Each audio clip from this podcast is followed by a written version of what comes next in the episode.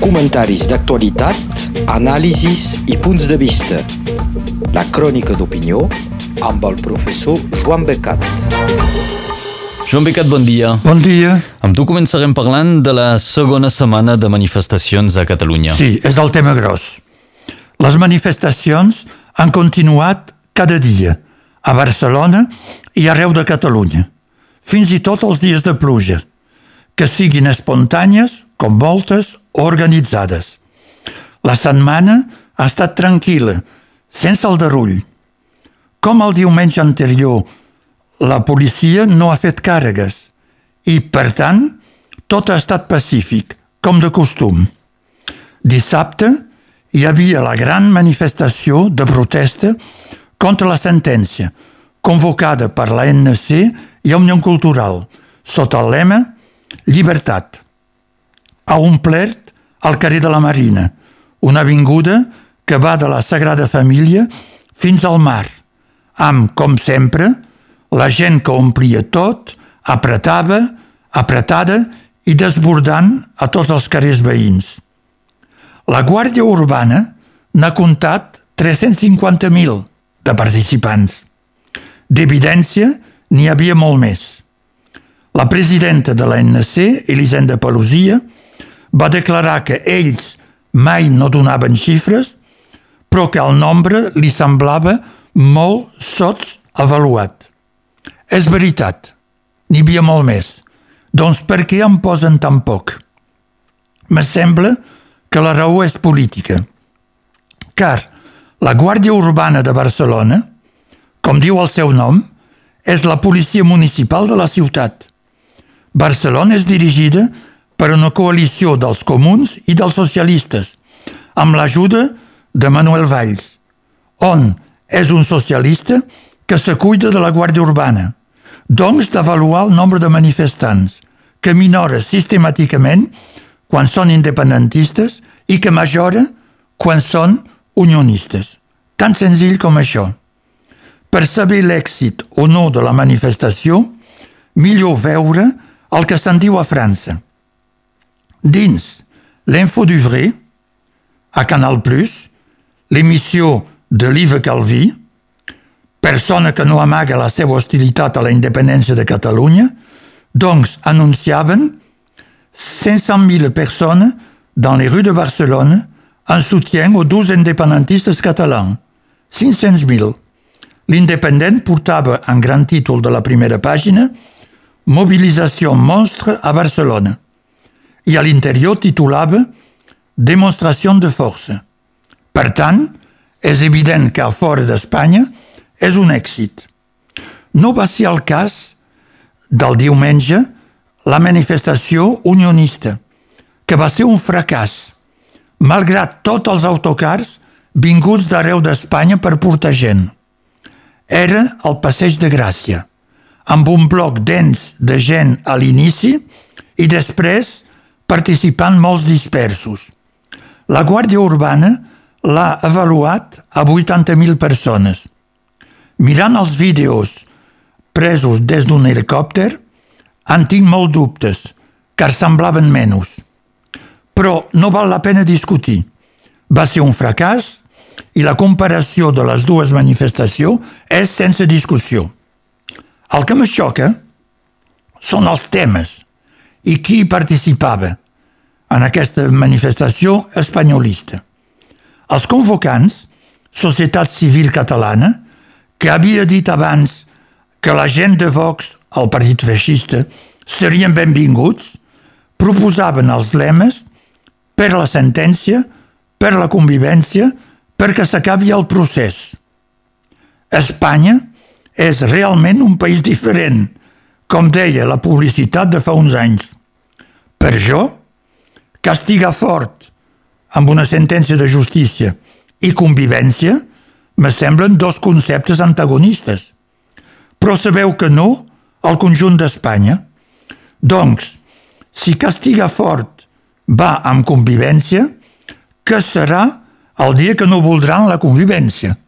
Castigaran com tinc dificultats a imaginar. M'agrada l'últim lema, perquè s'acabi el procés. són tontos, car són els seus adversaris que diuen que el procés d'independència és ben viu, perquè s'acabi, doncs és que no és acabat, doncs és que funciona. Mai havia vist gent tan tonta, políticament parlant, evidentment. Ara bé, la gran vergonya és que aquesta mateixa manifestació esquifida hi havia socialistes, perdoneu, dos ministres del govern Sánchez i tot el Partit Socialista de Catalunya. Hi havia la dreta del Partit Popular i de Ciutadanos, els feixistes de Vox i el perdulari Manuel Valls. Quina vergonya pels socialistes que se diuen d'esquerra de fer front comú amb l'extrema dreta franquista. Com pot ser que un antic primer ministre socialista que se deia una barrera contra l'extrema dreta quan governava França ara manifesti amb un partit declaradament feixista. Vergonya, vergonya, vergonya. I tot això fa que Catalunya hagi tornat dins l'agenda francesa i també internacional. Efectivament, les dues setmanes de protesta han fet la una de, de la premsa a França, a Europa i als principals diaris del món. Tots han subratllat la violència de les cargues policials i la forta presència de joves. Això els ha impactat, car eren els joves que portaven el moviment. S'ha condemnat aquesta violència a tot arreu d'aquesta premsa, però, a sembla que la premsa estrangera hagi assumit que la policia espanyola és violenta com un fet ineluctable. I ara és com si gairebé li perdonaven. Cap reacció a nivell dels estats i dels dirigents europeus. Però la violència espanyola els hi rebota la cara com un bumerang. En efecte, el govern de Vladimir Putin, en resposta a les crítiques d'Alemanya de, d'Angela Merkel, de la repressió policial a Rússia, li ha contestat per què no critica també la violència policial espanyola a Catalunya?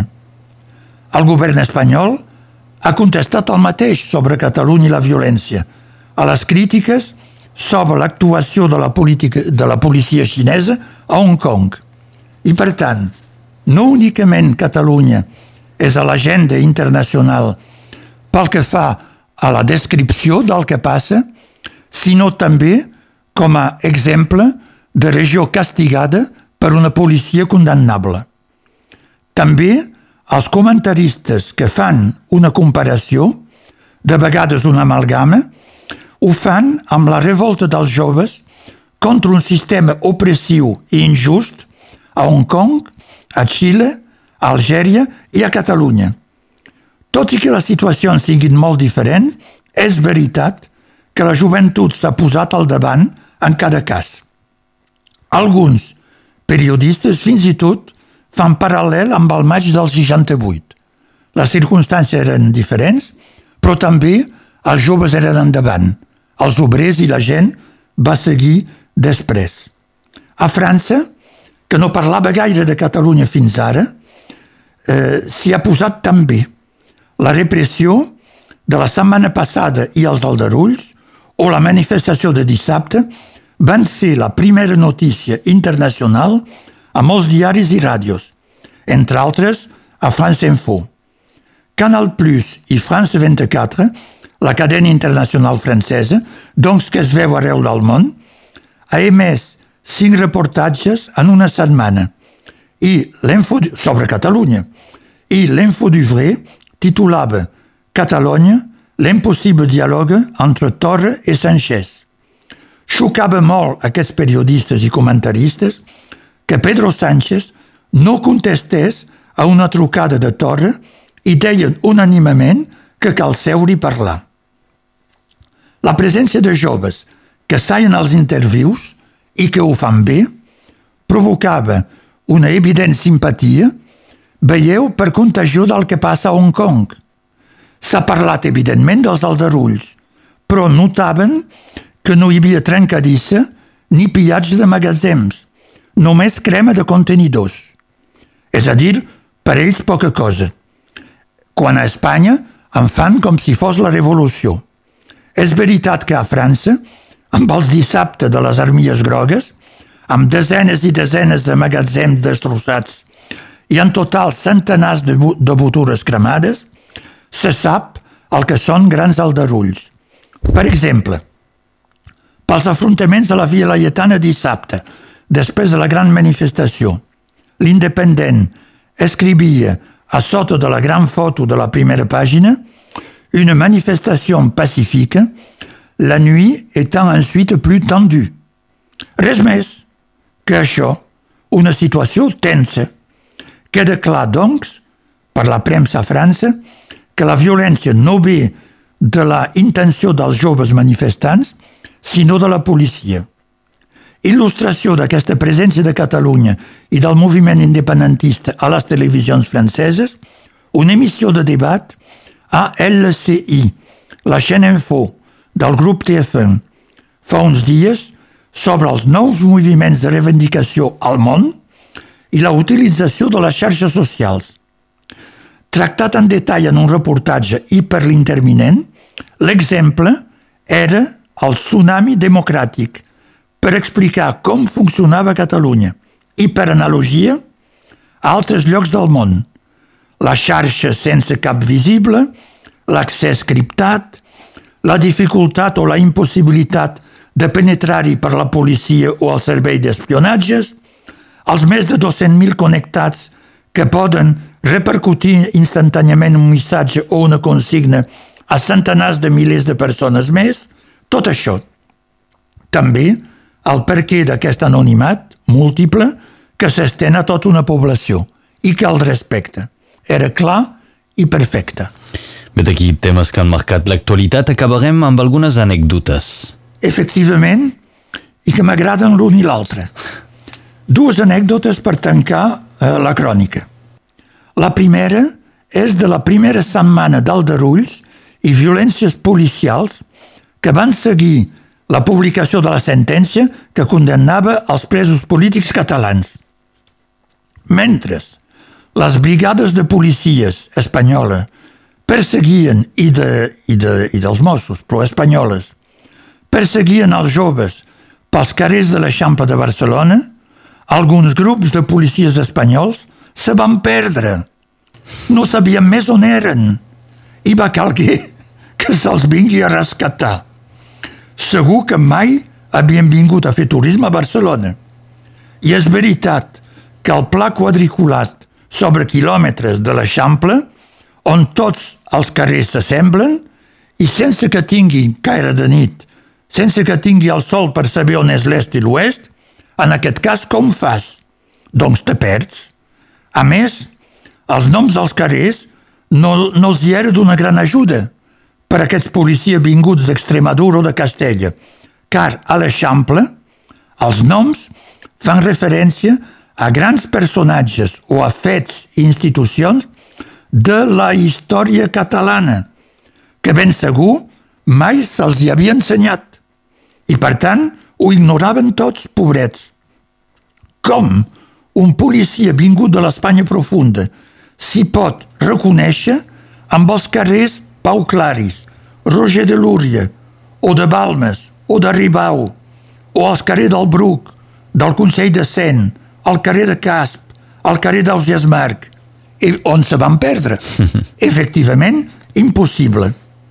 Crec, és una proposta meva, que per ajudar la seva policia i per introduir un poc de cultura que diu que endolceix les relacions humanes, i a ells els hi fa falta, doncs caldria intercalar dins llurs auriculars entre dues ordres uns missatges, evidentment en castellà, com Ara que perseguiu joves pels carrer, pel carrer Pau Claris, aixequeu un moment al cap i admireu les magnífiques façanes modernistes de les cases i no us perdeu passant al claustre de l'església de la Concepció que va ser traslladat de l'Eixample des de la via Laietana, on teniu la vostra comandància de policia d'on us parleu.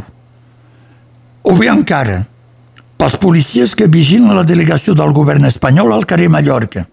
Se'ls hi podria fer una mica de cultureta explicant la delegació del govern d'Espanya utilitza el preciós palau de Ramon Montaner, d'estil modernista, un industrial que va tenir una impremta que és là on hi ha ara el Museu d'Antoni Tàpies. Quina curiositat!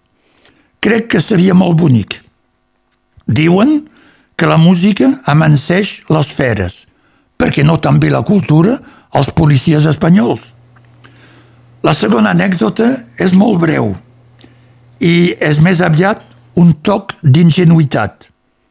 És un article un poc surrealista que he vist a l'Independent, al diari d'aquí, i que m'ha deixat bocabadat. Deia l'article que el túnel del Pi Morent feia una jornada de portes obertes. I jo que me creia que la finalitat d'un túnel no era d'obrir un dia, sinó de ser obert tots els dies de l'any. Bé, d'aquí algunes reflexions que compartim nosaltres. El nostre cronista dels dimarts és Joan Becat. Moltes gràcies. Bon dia a totes i a tots. Comentaris d'actualitat, anàlisis i punts de vista. La crònica d'opinió amb el professor Joan Becat.